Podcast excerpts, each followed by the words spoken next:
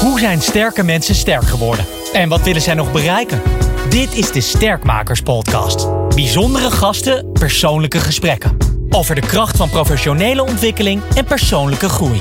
Met Glenn van der Burg. 60% van alle bedrijven in Nederland is een familiebedrijf. 36% van de 500 grootste bedrijven is een familiebedrijf.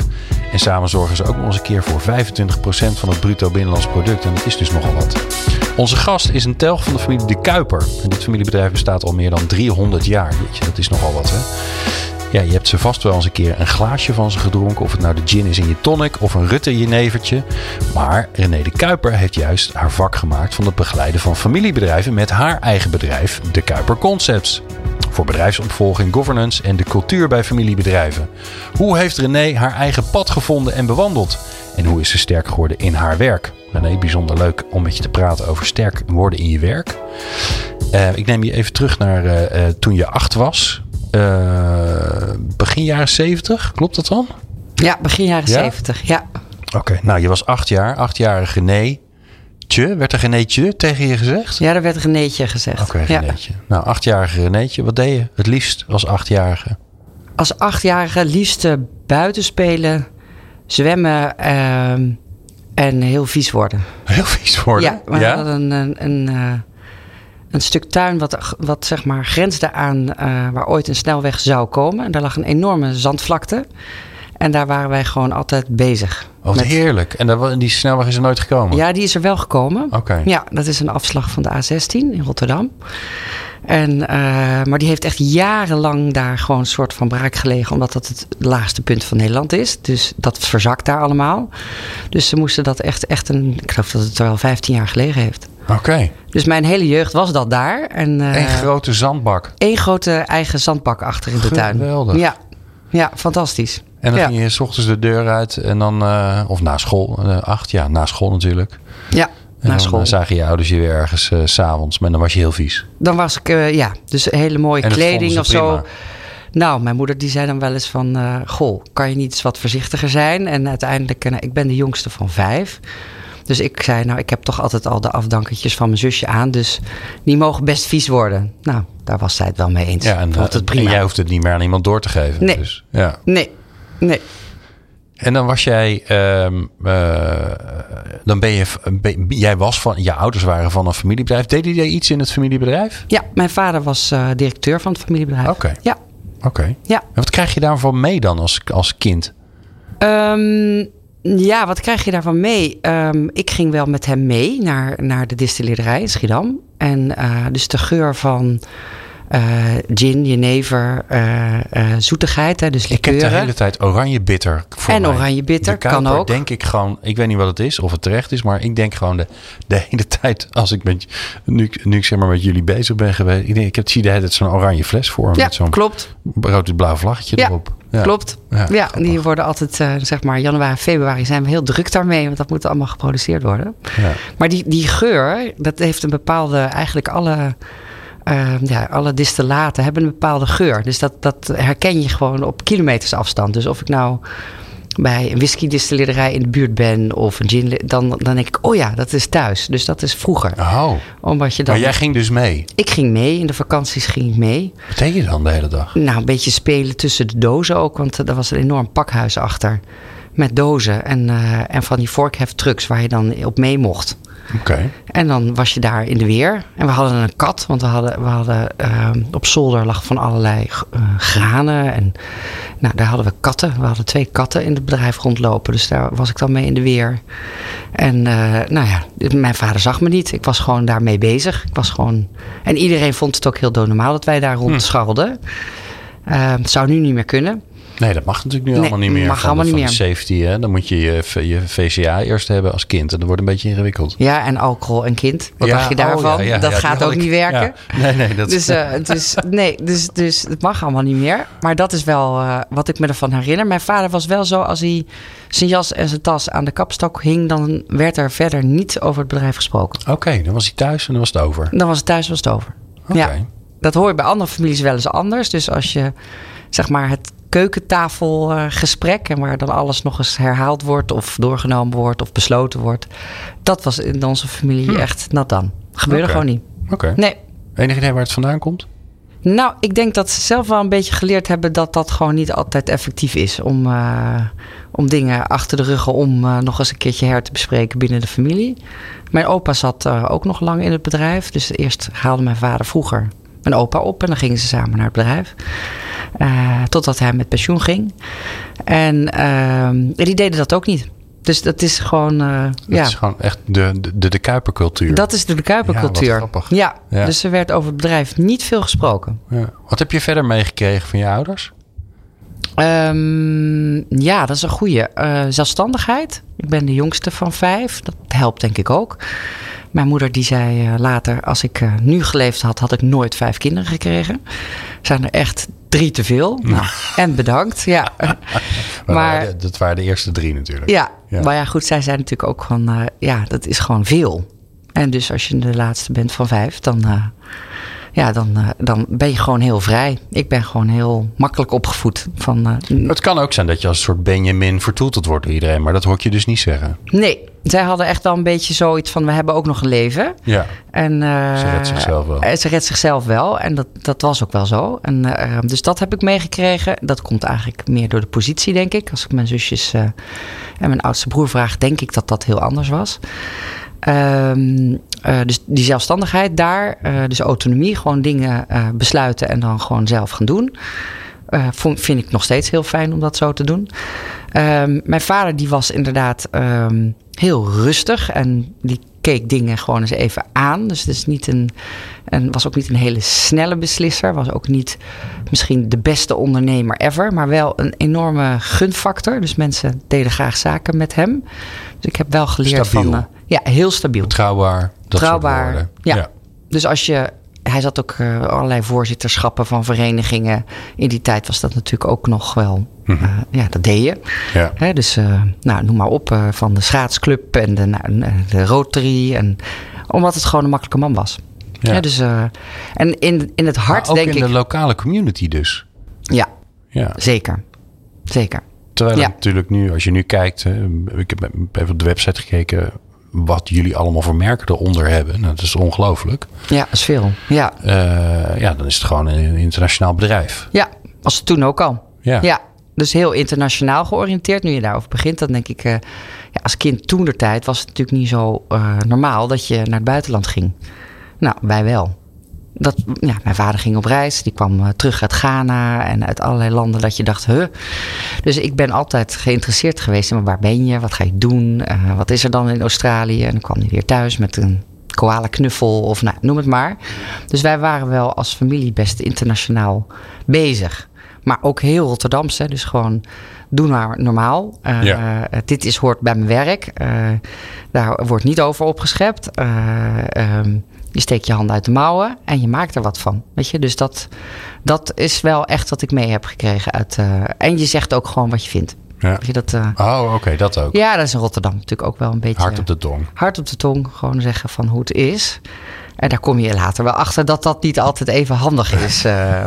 maar goed, hij kleedde dat altijd wel met. Hij zei het wel, maar wel charmant, zeg maar. Dus hij stapte niet op mensen zijn tenen. En dat, Ja.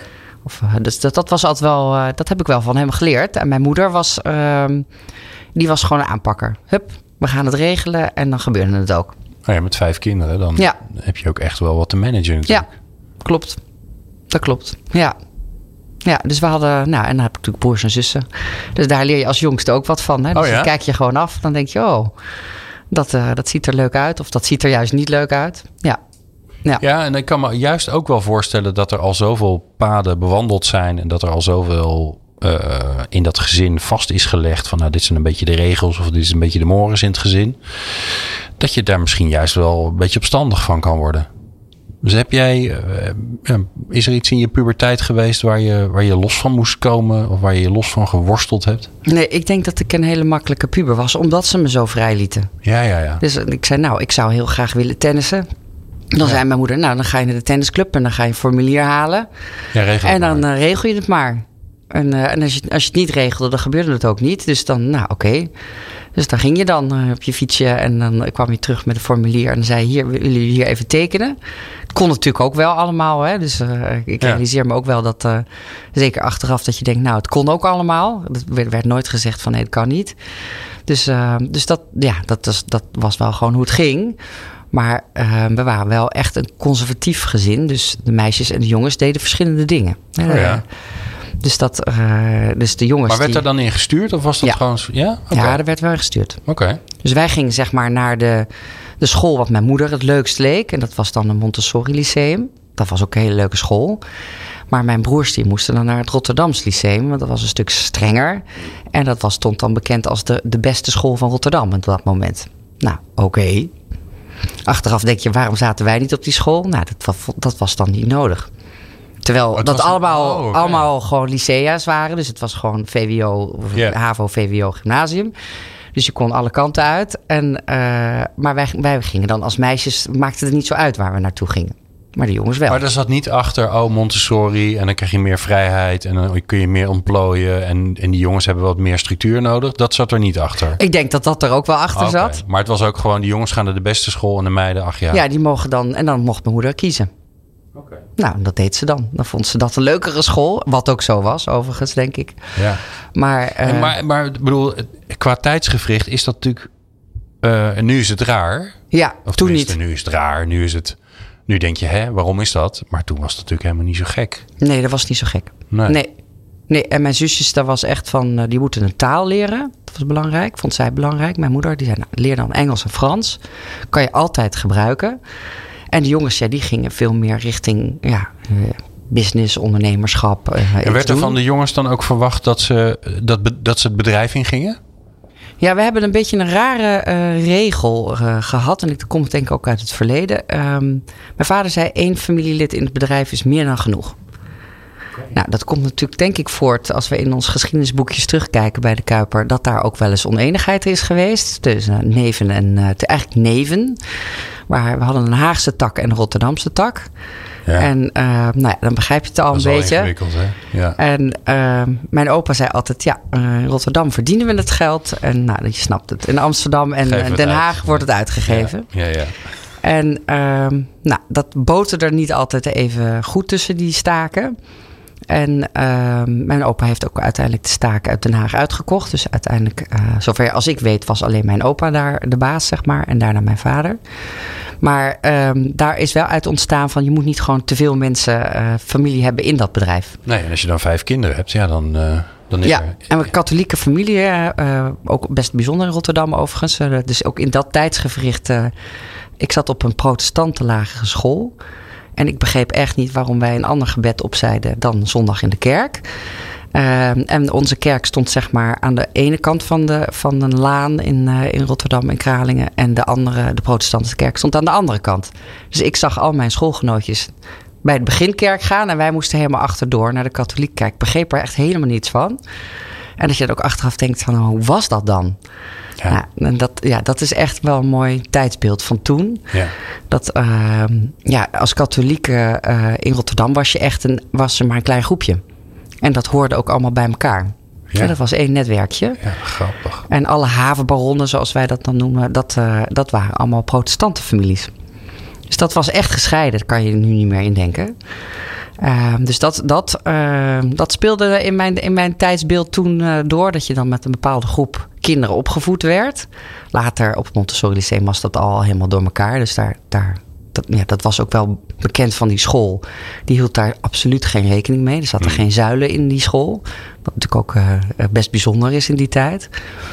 En ehm, nou, dus dat, dat, is, dat is je achtergrond dan wat je krijgt. Dat je denkt, hoe zit dat dan? Eh, ehm, en ehm, ja, Maar en- ik kan me voorstellen dat als je vijf, vijf kinderen hebt en je, en je weet, hè, want die kinderen die snappen dat op een gegeven moment ook, van nou, een van de kinderen is er plek in dat bedrijf. ja, Ehm, ja, hoe, hoe, hoe zorg je dan dat dat op een beetje een vriendelijke manier natuurlijk gaat ontstaan? En dat er niet, dat niet, niet de een denkt, ja, ik wil eigenlijk niet, maar het wordt wel verwacht. En de ander denkt, ik wil eigenlijk wel, maar eh, eigenlijk is er geen plek voor me.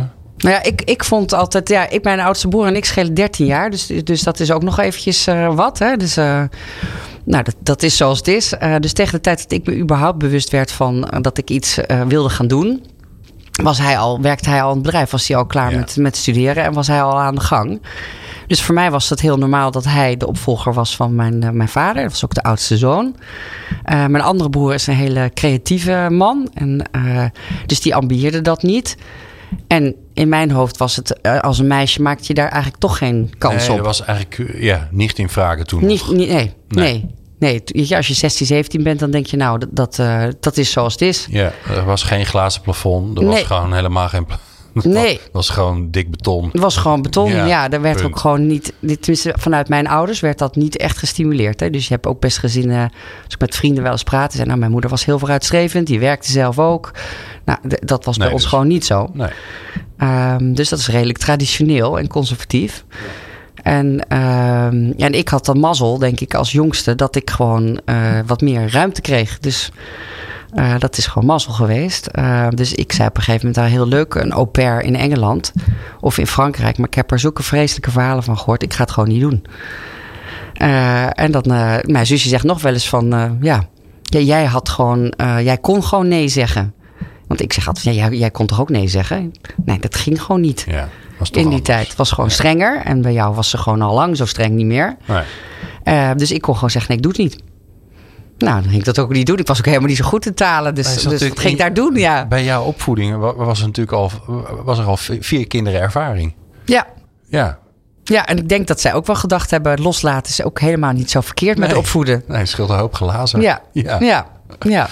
Hey, ehm, kan je nog een, een leraar herinneren van vroeger die, eh, nou, die is bijgebleven door hoe zij of hij was? Of, eh, We hadden een hele leuke geschiedenisleraar. ja, Ja. Die zijn toch wel vaak fa- favorieten. Ja, die zijn Ja. vaak favoriet. Ja, we hadden ook een paar hele vreselijke leraren. Maar deze geschiedenisleraar was echt... eh, En waarom? Nou, omdat hij A heel goed kon vertellen. Ik vond geschiedenis heel leuk. Dus dat, dat is nog steeds, vind ik nog steeds leuk. En ehm, ja, hij, en was best streng en kritisch. Dus hij daagde je ook wel uit om verbanden te leggen en over na te denken. En ook over, heel links georiënteerd was hij overigens. Dus ik kreeg daar ook wel, eh, zeg maar, politieke beelden, eh, werd daarover gediscussieerd. Maar nee, die stond open voor van alles. Dus dat was leuk. Ja, Ja. dat is een leuke leraar. Ja, het was sowieso echt een hele leuke school. Ja, waar heel veel gedaan werd aan toneel en cabaret en nou, ook maatschappijleer. En, Het is wel fijn dat je niet naar die strenge school bent gegaan, toch? Dan? Absoluut. Ja. absoluut. Hey, ehm, ehm, hoe ben je gekomen bij wat je nu aan het doen bent? Want je, houdt je, nu, eh, je helpt nu familiebedrijven omdat het toch een, een bijzonder soort bedrijf is. Waarvan, nou ja, ik zei het al even in de intro, er heel veel van zijn. En die ook nog eens een keer heel belangrijk voor Nederland zijn. Voor de Nederlandse maatschappij, de Nederlandse economie. Ja. Ehm, hoe ben je daarbij gekomen? ja, dat is best. eh, dat is eigenlijk eh, toeval, min of meer. Ik heb. ehm, ik ben, eh, ik ben uiteindelijk naar een hotelschool gegaan. En dat is uit voortgekomen in, Den Haag. In Den Haag. Ja, Ja, dat is er maar eentje, hè? ja eigenlijk Scheveningen. Ja, zo is het. Ja. Ja, dus ehm, daar ben ik terechtgekomen. En ik ben daar terechtgekomen omdat ik, ehm, toen ik eh, ehm, van school kwam, dacht ik moet wel iets met talen doen, want dat vinden ze blijkbaar belangrijk, maar ik ga niet als au pair. Dus toen heb ik via via eh, ben ik erachter gekomen dat er een school was in Zwitserland. Nou, daar heb ik echt moeten smeken en ook zelf moeten werken om daar naartoe te mogen. Want dat was een dure school. Het was een particuliere school, was in Zwitserland, was een dure school. Welk kind gaat nou naar school in Zwitserland? Nou, niet bij ons in het gezin, was echt niet normaal. En ik wilde daar graag heen en ik had gezegd, luister, dan heb je in de ochtend talen. En dan in de smiddags doe je dan hotelschoolvakken. Dat, eh, dat, dat sprak ze aan. Dat vonden ze. Nou, mijn moeder dacht: eh, oké, talen, vink, dan hebben we dat ook. Dus daar ben ik naartoe gegaan met een vriendinnetje. Dat was overigens echt heel leuk. Ik heb eh, eigenlijk alleen maar Engels geleerd. Frans en Spaans en Duits hebben we wel gehad daar in, op school, maar niet veel van geleerd. en dan typen heb je, leerde je dan. En Zo. dan was er ook nog een IATA-diploma. Dus je kon ook nog als, in, bij een reisbureau aan de gang. En je had hotelschoolvakken, administratie, aantal vakken. Eh, heel veel geskiet. Dat was in een skioord. Wauw. Eh, ik kwam met 9 en 10 terug. Dus ik zei, nou, ik heb goed nieuws en slecht nieuws. Het tweede jaar van deze school ga ik niet doen. Eh, het eerste jaar heb ik heel goed rapport. Maar ik heb niks gedaan. Dus volgens mij gaat er iets niet goed op deze school. Dus het niveau voor de Nederlanders, denk ik, was gewoon te laag. Ja. Uh, dus want niemand deed wat. Uh, en kwamen daar allemaal met hele goede cijfers vandaan. Dus dat klopte niet helemaal. Maar ik had wel bedacht dat ik naar een hotelschool wil. Dus zo ben ik op Want die dat- hotelschool Dat terechtgekomen. merkte je daar al dat je dat leuk vond? Ja, vond ik leuk. Ja. Ja, het feit met mensen, ehm, eh, internationaal, ehm, de talen inderdaad toch wel handig als je die spreekt. Ja, en, eh, hospitality natuurlijk super belangrijk. ja. dus gewoon eh, en, en het, hele, ja, het hele restaurant en, en hotelwezen. Dus het is nooit saai. Ik bedoel, dus elke dag is iets anders. Hard werken. Heel hard werken, dat, dat heb ik pas later begrepen. Maar eh, Dat wist je op dat moment dan niet echt. ik, ik had het kunnen vermoeden, maar dat, dat is iets anders dan het werkelijk moeten doen. Ja. Ehm, dus, ehm, en zo ben ik op die hotelschool eh, beland. Wat toen. ehm, Wat, wat is wel interessant, hè? ik kom best wel veel mensen tegen die eh, hotelschool hebben gedaan, die er uiteindelijk niet in dat vak zijn gebleven. Nee. Misschien zelfs al gelijk al iets heel anders zijn gaan doen. Wat is nou in essentie wat je daar, wat je daar leert, wat je daar, hoe je daar gevormd wordt? Is Misschien beter gevraagd. Nou, dat is een goede vraag. Want ik zie het nog steeds. Ik heb nog steeds contact met, eh, met de verschillende hotelscholen. En ik zie nog steeds dezelfde soort eh, stereotypen voorbij komen. Dat ik denk, oh, dat doen ze echt goed op deze school. Ehm, er, komen, er, komt, er komen mensen van af. En ik herken ze ook. Hè? Dus ik zie ook gewoon vaak van... hé, hey, dat is er eentje en dat is er eentje niet. Ehm zijn makkelijk met mensen. Dus ze stappen overal op af en hebben dan een heel open, open blik, open vizier. Dus eh, het maakt ook niet uit wie het is. Dus of het nou eh, eh, eh, zeg maar een top eh, eh, klant is, of het gewoon de, de afwasser is, of een schoonmaker. Of, weet je, ze, ze, ze zijn makkelijk. Ze kunnen met alle lagen van de bevolking kunnen ze omgaan. Vinden ze ook heel normaal. Ehm dus sociaal handig, heel sociaal handig. Ehm, en zijn altijd doeners. Dus als, er is, als je dus ziet dat er eh, ergens iets misgaat en je ziet een paar mensen opspringen en dan ineens ergens de keuken inlopen of iets doen of iets organiseren, dan, dan weet je het eigenlijk wel. Ehm, dus dat, dat, dat vind ik echt opvallend. En dat, en dat hebben ze bijna allemaal, die van die scholen afkomen. Eh, en nog steeds blijkbaar. En ik, ik was echt niet, ik bedoel, ik had niet in een restaurant gewerkt. Ik had nog nooit een bord vastgehaald, bij wijze van spreken. Alleen maar omdat ik daar die school gedaan had, werd ik aangenomen. Misschien ook wel sociaal wat handig. Ik had me ook echt goed voorbereid, want het was een echte zware selectie. Ik geloof dat ze eh, van de meisjes één op de twee of drie aannamen. Ja. Heel veel aanmeldingen. En het verschil tussen vrouwen en mannen was, eh, was toen de tijd groot. En ze wilden 50-50. Dus als, als jongen had je veel meer kans om aangenomen te worden. Eh, dus zat echt een hele, hele leuke groep mensen bij elkaar. Ehm, en je leerde gewoon van elkaar. Dus ik, ik heb aangeleerd om in de horeca te kunnen werken. Dat kon ik niet echt.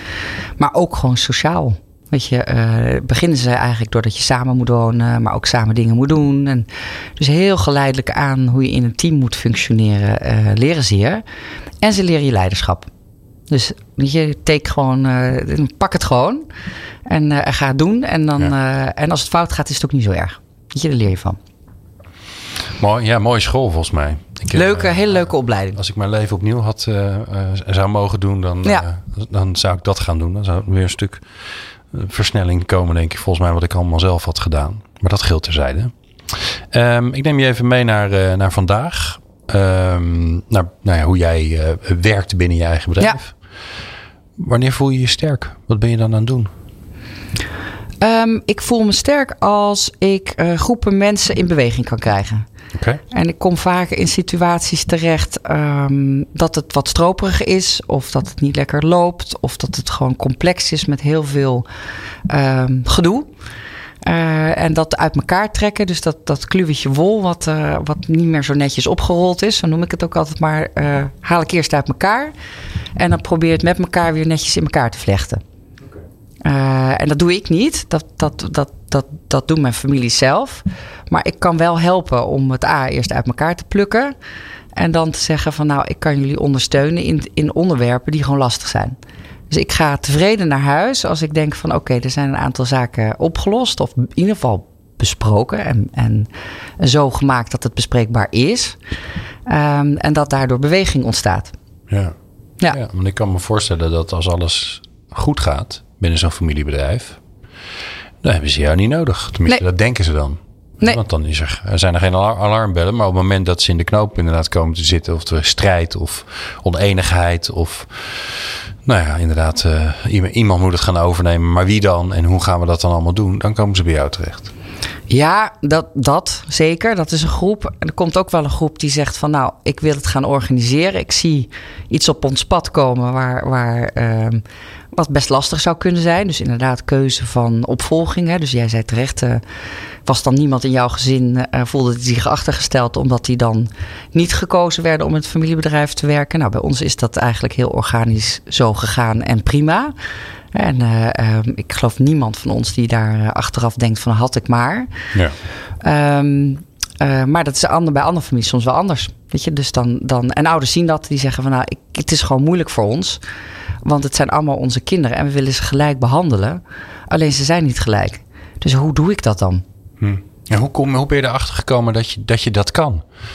Ja, dat, uh, dat gaat ook niet zomaar. Hè. Uh, ik, ik, ben vanuit hotelschool ben ik, heb ik in de hotellerie gewerkt toen ben ik, uh, toen kwam ik terug in Amerika gewerkt, 2,5 jaar of bijna drie jaar. Nou, dan kom je ook terug met een andere blik. Uh, veel meer een Amerikaanse blik en Nederland was klein. Um, toen ben ik nog een tijdje gaan werken in een Nederlands hotel. Ik vond dat echt niet leuk.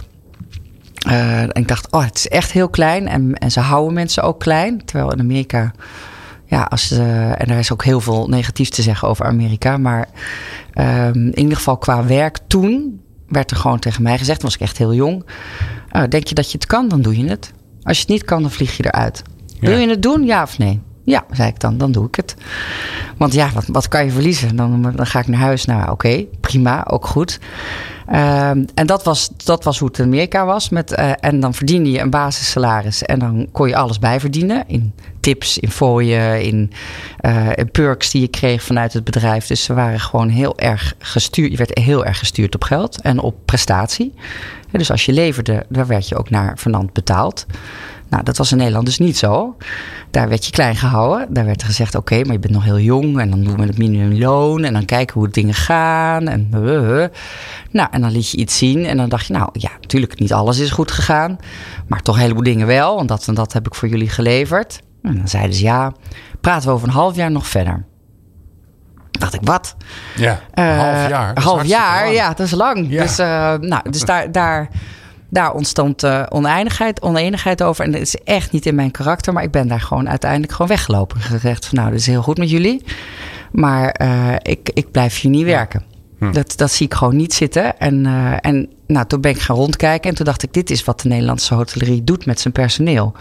En daar ben ik het gewoon structureel niet eens mee. Dus ik weet niet waar ik dan heen moet. Dan moet ik of weer weg naar Amerika toe of Australië of naar ergens heen. Of voor een grote keten werken. Toen dacht ik, ja, maar dan mis ik mijn familie wel heel erg. En mijn vrienden en het leven in Nederland is wel mooi. Als je het vergelijkt met Amerika is het wel hard. En uh, dus ik ben, uh, ben bij de KLM terechtgekomen als stewardess. Toen dacht ik, ga ik dat maar doen. Mijn ouders die keken me afgrijzen aan. Wat ga jij dan doen? mijn vader zei, ik vind het leuk, want ik heb vroeger ook voor de KLM gewerkt, ooit.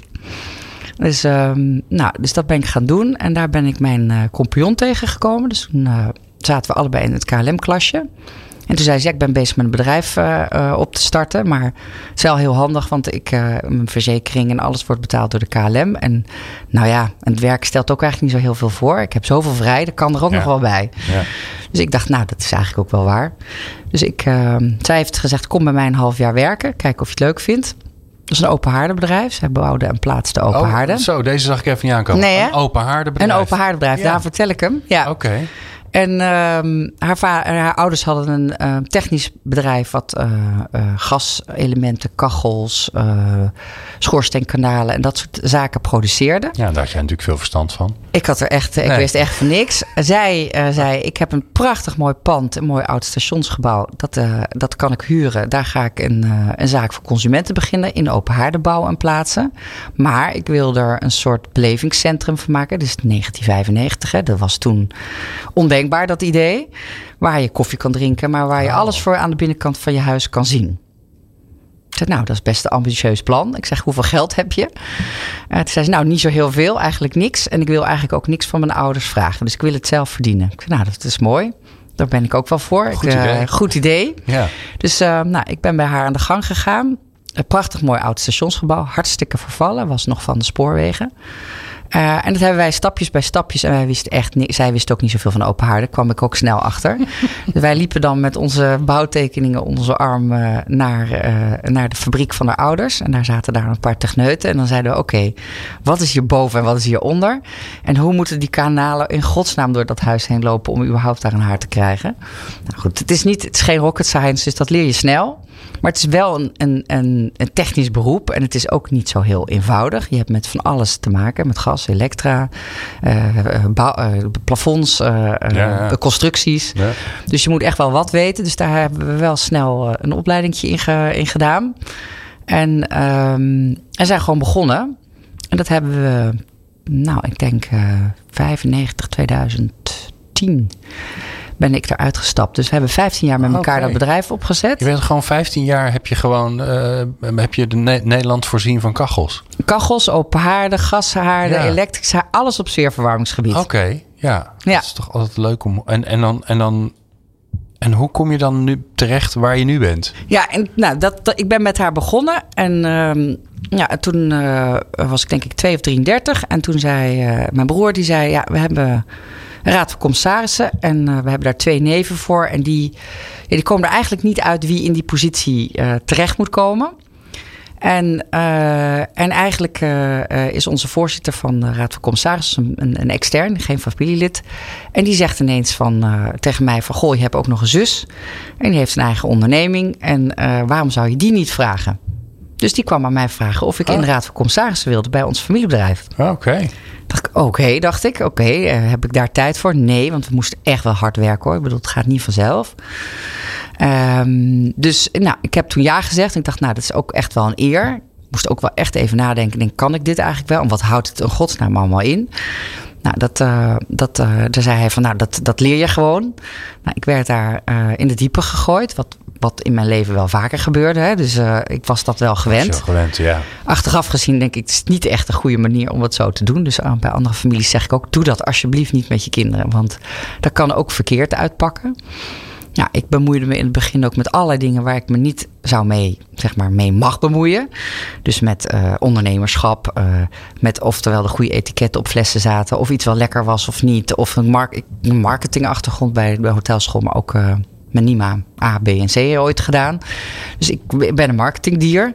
Ik hou daarvan. Dus ik zei, nou dat en dat. Nee, daar mag je je niet mee bemoeien als commissaris. Dat is, dat ja. is operationeel. Ja. Oh ja. Wat dan wel? Wat ja. dan wel? Waar, waar, heb ik dan wel wat over te zeggen? Dus dat, ik heb daar wel geleerd. Uh, en daar had ik natuurlijk uh, veel mannen in uh, blauwe pakken.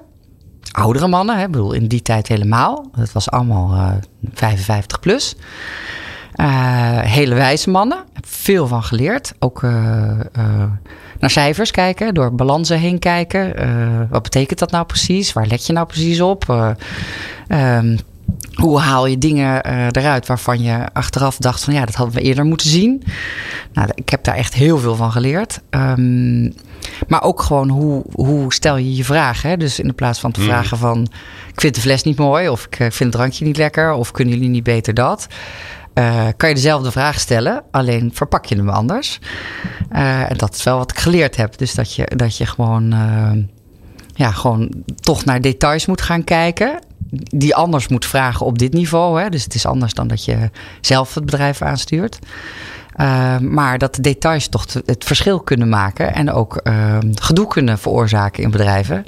Waarvan je achteraf denkt, ja, als ik dat nou gezien had of als we, dat, als we daar nou meer alert op waren geweest, dan, uh, dan, hadden we, dan, dan, dan hadden we een optelsommetje kunnen maken en hadden we eerder kunnen ingrijpen.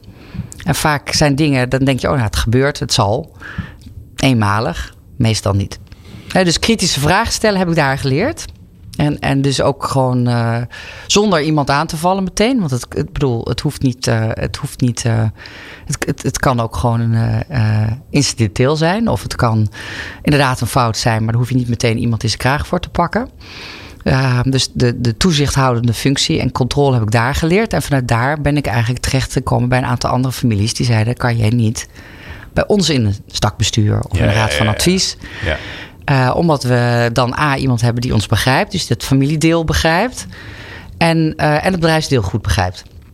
Dus daar, zo ben ik daar okay. terechtgekomen. En um, mijn broer die was uh, voorzitter. En je had je eigen sporen verdiend omdat je je eigen onderneming had. onderneming had. Dus je, Ja. hè, dus je, je had Ja. je, je ondernemerservaring, de familieervaring, de bestuurderservaring vanuit, de vanuit Ja. de Kuiper. En dat bij elkaar gevoegd. Ja, Ehm, Oké. ja zorg dat je, dat je Ja. ja. min of meer organisch. Zoals als iemand tegen mij vraagt, heb je dat zo bewust uitgestippeld? Nee. Maar op een gegeven moment heb je wel, eh, nou, vanaf zeg maar, ja, eigenlijk naar aanleiding dat ik ons, ons bedrijf heb ik eh, verkocht. Of mijn bedrijf heb ik verkocht aan mijn compagnon en haar man. Die hebben het bedrijf nog steeds. Ja. En, eh, en dan kom je er. nu heel druk hebben waarschijnlijk. Die hebben het heel druk. Ja, En die, die maken zich wel zorgen, want die zeggen, nou ja, en gas is natuurlijk duurder. ja. En uitstoot. eh, ja fijnstof voor het fijnstof, uitstoot. Maar goed, er zijn allerlei methodieken om te zorgen dat je nog steeds een open haard kan branden. Relatief schoon. Ik bedoel, niet stoken is natuurlijk altijd de schoonste manier. Ik bedoel, ik kan er niks anders van maken. Maar ja, zolang de mens bestaat, sta- bestaat er vuur. Dus ik, we hebben er wel eens over van hoe...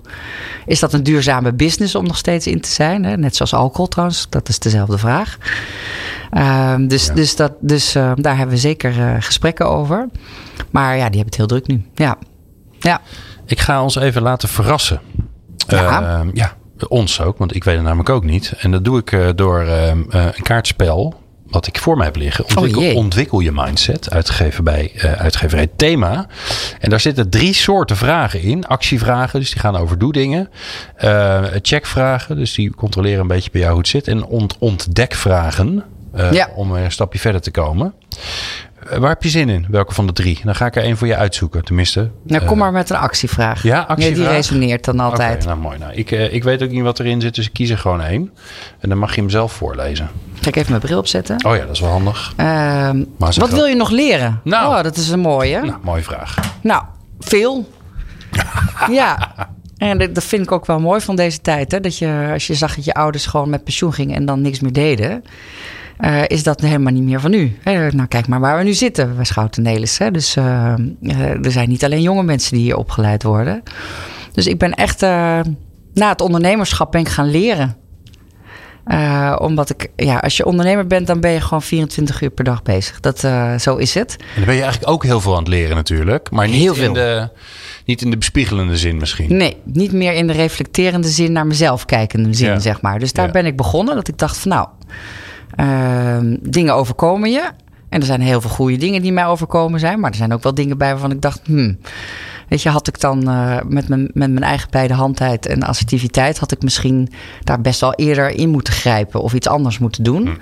Dus daar ben ik in, eh, in, in een coachopleiding terechtgekomen. Niet Oh. zozeer om coach te worden, maar gewoon eh, voor mezelf. Dat ik dacht van nou, dat is een cadeautje aan mezelf, na, na echt heel hard gewerkt te hebben. Van goh, ehm, ja, hoe, wat wil ik eigenlijk? Weet je, want je, je verkoopt je bedrijf en dan? Ja, de Eh, grote leegte. Dan denk je, nou, Ja. dat komt, er komt vanzelf wel wat. Dat is ook zo. Maar het is best wel spannend. Eh, en ik had, toen, ik had toen kleine kinderen, dus daar, weet je, daar gaat ook tijd en energie naar zitten, in zitten. Dus ik dacht, ik ga ook iets voor mezelf doen. Dus dat, dat was dit. Oké. Ehm, dat heb ik twee jaar gedaan. Dat, waren, dat was eigenlijk gewoon een leergang. eh, zes keer per jaar, twee dagen ergens naartoe. Een hele leuke groep mensen. Dus daar, daar, daar heb ik echt veel van geleerd. Meer naar jezelf kijkend. Wat voor type ben ik nou? Waarom, weet je, waarom doe je de dingen die je doet? Ehm, waar zit je allergieën? Waarom, waarom zijn die er? Ehm, best wel, ik had best wel vaak eh, aannames over dingen en mensen. Eh, dus ik dacht, nou, dat moet ik ook van af. Want dat is eigenlijk alleen maar verspilde energie. Daar heb je niet zoveel aan. Dus waar zit, waar zit, waarom is dat dan? Weet je, waarom zijn bepaalde mensen, loop je omheen of, eh, of eh, ga je juist de strijd mee aan? Ehm, in mijn geval vaak omheen. Hè? Dus dan denk ik, nou, ik loop er maar omheen. Dat is, dat is makkelijker. Als je het over familiebedrijven hebt, dat, dat, eh, dat zit er in, in je DNA. Want conflicten is gewoon, dan weet je dat dat, dat, dat een, een groter belang kan hebben dan alleen maar een ruzie met één persoon. Hè? Dus dat zie je bij heel veel families die, die eh, denken, oh jee, familieruzie is het ergste wat ons kan overkomen, want dat heeft ook invloed op het bedrijf. Dus er wordt wel geleerd dat je dat niet doet. Maar dat betekent ook dat je heel veel dingen niet uitspreekt. Nou, dat heb ik echt moeten leren. Ehm, eh, en als ik iets uitsprak, dan kwam het er ook behoorlijk hard uit. Hè, op z'n Rotterdams, ploet, klats, boem. En mensen zagen het ook niet aankomen. Dus dat, dat, dat, nou, daar moet je gewoon op een gegeven moment ben je zover dat je denkt, daar, daar ga ik iets aan doen. Het zit me gewoon dwars. Ehm, eh, dus dat heb ik gedaan. Ehm, toen ben ik eh, gaan graven in cultuur, omdat we ook eh, eigenlijk vanuit RVC-posities, maar ook, ehm, ook bij het eigen bedrijf heel vaak het woord cultuur. Hè, als we dat hadden geweten. Ja. Of die cultuur, hè, we hebben een bepaalde cultuur. Geen idee wat het is. Geen idee wat het is, geen idee hoe je het moet veranderen, geen idee hoe wat je eraan kan doen. Dus daar, daar ben ik in gaan graven. En uh, dat, dat doe ik nog steeds. Dus dat zou ik nog wel verder willen uitdiepen. Want het is echt een vak. Het is echt niet makkelijk. En, um, en daar komt bij familiebedrijven heel veel tegen. Want opvolging is ook een cultuursverschuiving. Hè? Dus de, de opvolger uh, die brengt iets nieuws. En degene die opgevolgd wordt, die wil iets achterlaten. Dus wat laat je achter? Wat neem je mee? Uh, als opvolger, wat, wat, je, wat is goed en passend nog steeds? En wat is echt belangrijk als familie om mee te nemen? En wat laat je achter? Nou, dat zijn echt hele mooie gesprekken. Mooi. En dat is ook moeilijk. Het is echt, echt moeilijk. Ja. Ja. Ja. Ja, want het vraagt ook wat van degene die al die vragen van jou krijgt. Ja. Je moet er maar antwoord op hebben. Ja, en je moet het ook maar gaan doen. je kan misschien wel antwoord hebben. Ja. Ik kan hele mooie rapporten met ze schrijven, maar dan komt het, als we het dan over actie hebben, dan komt het over doen. Ja. ja en dan komt mijn hotelschoolopleiding uh, uh, soms echt heel goed van pas. Dan denk ik, we kunnen gaan uh, dikke rapporten schrijven voor jullie, maar dat zo'n ja, zo'n adviseur ben ik niet. Daar hou ik helemaal niet van, want ja, wat doe je er dan mee vervolgens? Ja, daar gaat het om. Um, nee, ik neem je mee naar je tachtigste verjaardag, als je oh, het goed jee. vindt. Ja, het is nog een eentje weg, maar um, uh, ga gezellig met me mee. Um, het is jouw verjaardag. Je familie, je vrienden, je bekenden, ze zijn er. En er wordt gespeecht over wat je betekend hebt voor ze. Oh jee. Wat zeggen ze over je? Oeh, ik denk dat ze zeggen um, verbinding. Zorgen dat we, dat, we, dat we leuke dingen met elkaar doen. Um, dat we goede gesprekken met elkaar hebben. Ik ben echt, uh, uh, ik hou van de kralen rijgen, mensen aan elkaar uh, zetten. En uh, daar werk ik ook heel hard voor binnen mijn eigen familie, maar ook wel ook voor anderen. Uh, leuke dingen doen. Dus ik denk dat mijn kinderen zullen zeggen: Mam, zonder jou waren we nooit op bepaalde plekken in de wereld gekomen. want je bent altijd op zoek naar avontuur en, Hmm. en cultuur, hè, dus andere dingen. Gewoon eens andere, andere mensen, andere uit je Nederlandse bubbel, uit je Europese bubbel. Um, dus dat zullen ze zeggen. Um, vrolijk, denk ik. Ik ben niet zo heel snel, uh, um, zeg maar, uh, diep in de put. Uh, en stabiel. Ja, dat, ik denk dat, dat ze dat zullen zeggen. Ik ben natuurlijk niet altijd stabiel, maar... mijn... Het gaat over 80 jaar. Hè? Ja, dus dan ben ik helemaal stabiel, oh, denk ik, ja, in die tijd. Daarom. En ik hoop dan nog steeds fit en gezond. Dat vind ik echt wel. Dat, je wordt wel een beetje ouder nu. Dat je denkt van, oei. Ja daar moet, wel, uh, dat moet je niet vergeten. Dat, uh, je kan wel van alles willen, maar um, je fysiek is wel belangrijk. Ja, ouder word je vanzelf. Hè? Daar ja. heb je niks aan te doen. Ja. En, uh, dat worden we ook allemaal. Ja. Um, waar heb je nog aan te werken? Um, Waarvan je zelf denkt van ja, dat is toch echt nog steeds een dingetje. Nou, ik ben wel iemand. Um, als ik iets wil, als ik iets doe, dan wil ik het goed doen. Maar uh, dan moet ik het ook allemaal weten. Dat is een hele nare eigenschap. Want dat, dat zorgt dus dat je voor bepaalde dingen uh, heel veel tijd neemt. Om daar elke keer uh, in te graven. Voordat je vindt dat je dat iets kan doen. Of dat je daar goed in bent. Dus wij zijn wel opgegroeid met dingen goed doen. Dat, uh, dat moet ik wel heel eerlijk zeggen. Soms vraagt iemand aan mij: waarom moet het goed? Dat kan toch ook. Nou, redelijk. Redelijk. Ja. Nou, ik doe wel heel veel dingen tegelijk. Dus het kan ook niet altijd allemaal te goed. Dus ik vind het ook leuk om verschillende dingen te doen. Maar houdt het je dan tegen of, of duurt het daardoor gewoon wat langer? Nou, dat, dat maakt je soms wat onzekerder. Dus ik ga graven uh, totdat ik gewoon echt veel gelezen heb, gedaan heb, uh, opleiding gedaan heb, met mensen gesproken heb. En dan denk ik, nou, nou durf ik wel te zeggen dat ik hier goed in ben. Of dat ik hier iets, iets zinnigs over kan zeggen of kan doen of in mijn werk mee kan nemen. Uh, en anders zeg ik niks. Dus dat, en dat, nou ja, ik valt mij wel op dat heel veel mensen dingen roepen. En dan denk ik, oei, dat uh, vind ik best wel uh, moedig van je dat je dat soort durft te roepen. Terwijl je misschien nog niet eens helemaal weet hoe dat zit. Nou, nou, ik heb soms dat ik denk, ik zou ook maar gewoon eens wat moeten roepen. Dat, dat zet ook wel dingen in beweging. Weet je, dus dat, dat heb ik nog wel eens af en toe te leren. Dat je wel wat meer bravoure erin mag gooien. Denk dat dat ook een vrouwending is, eerlijk gezegd. Als ik met veel vrouwen werk, dan die, denk, die, ja, die zeggen ook van ja, dat glazen plafond waar jij het al eerder over had. Uh, ja, dan moet je wel alles weten voordat je daar doorheen durft te beuken. Nou, dat hoeft dus eigenlijk helemaal niet. Ja. Ehm, Ja, je komt er wel achter. Je moet er natuurlijk wel achter komen. Je moet natuurlijk wel gewoon eh, eh, capabel zijn. Maar je hoeft niet alles van tevoren te weten. Dat hoeft echt niet. Nee.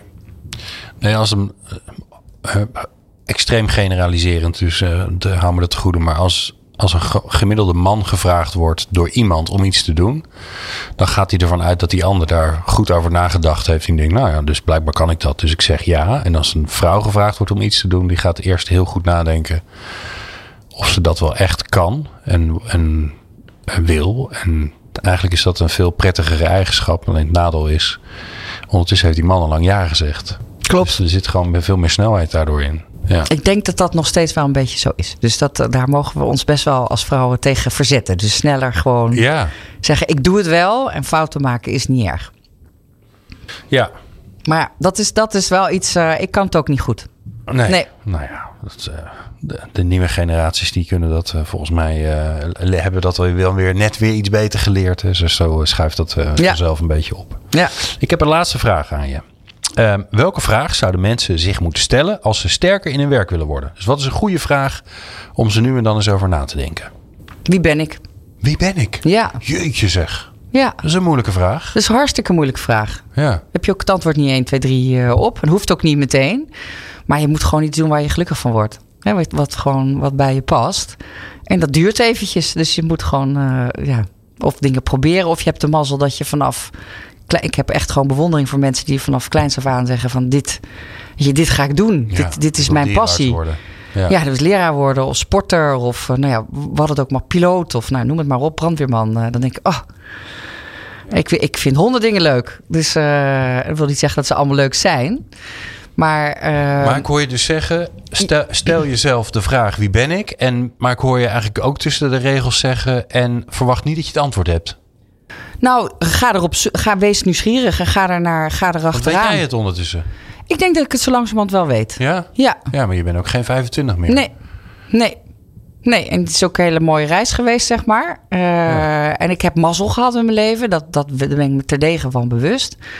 Ehm, maar haal er dan ook uit wat erin zit. Hè? Dus ik heb mazzel gehad dat ik geboren ben waar ik geboren ben. Eh, en, eh, maar ik vind wel dat daar een verantwoordelijkheid en verplichting aan zit. Eh, dat je dan er ook uit moet halen wat erin zit. Ehm, en dat, nou, dat, en dat, ja, nou, dat, haal je dat haal je uit als je jezelf afvraagt: van wie ben ik? Weet je, wat, wat, wat, wat, kan ik, wat kan ik toevoegen bij anderen? Of voor mezelf, of voor mijn gezin, of waar je, waar je zeg maar ehm, energie van krijgt. Nou, dan moet je weten wie je bent.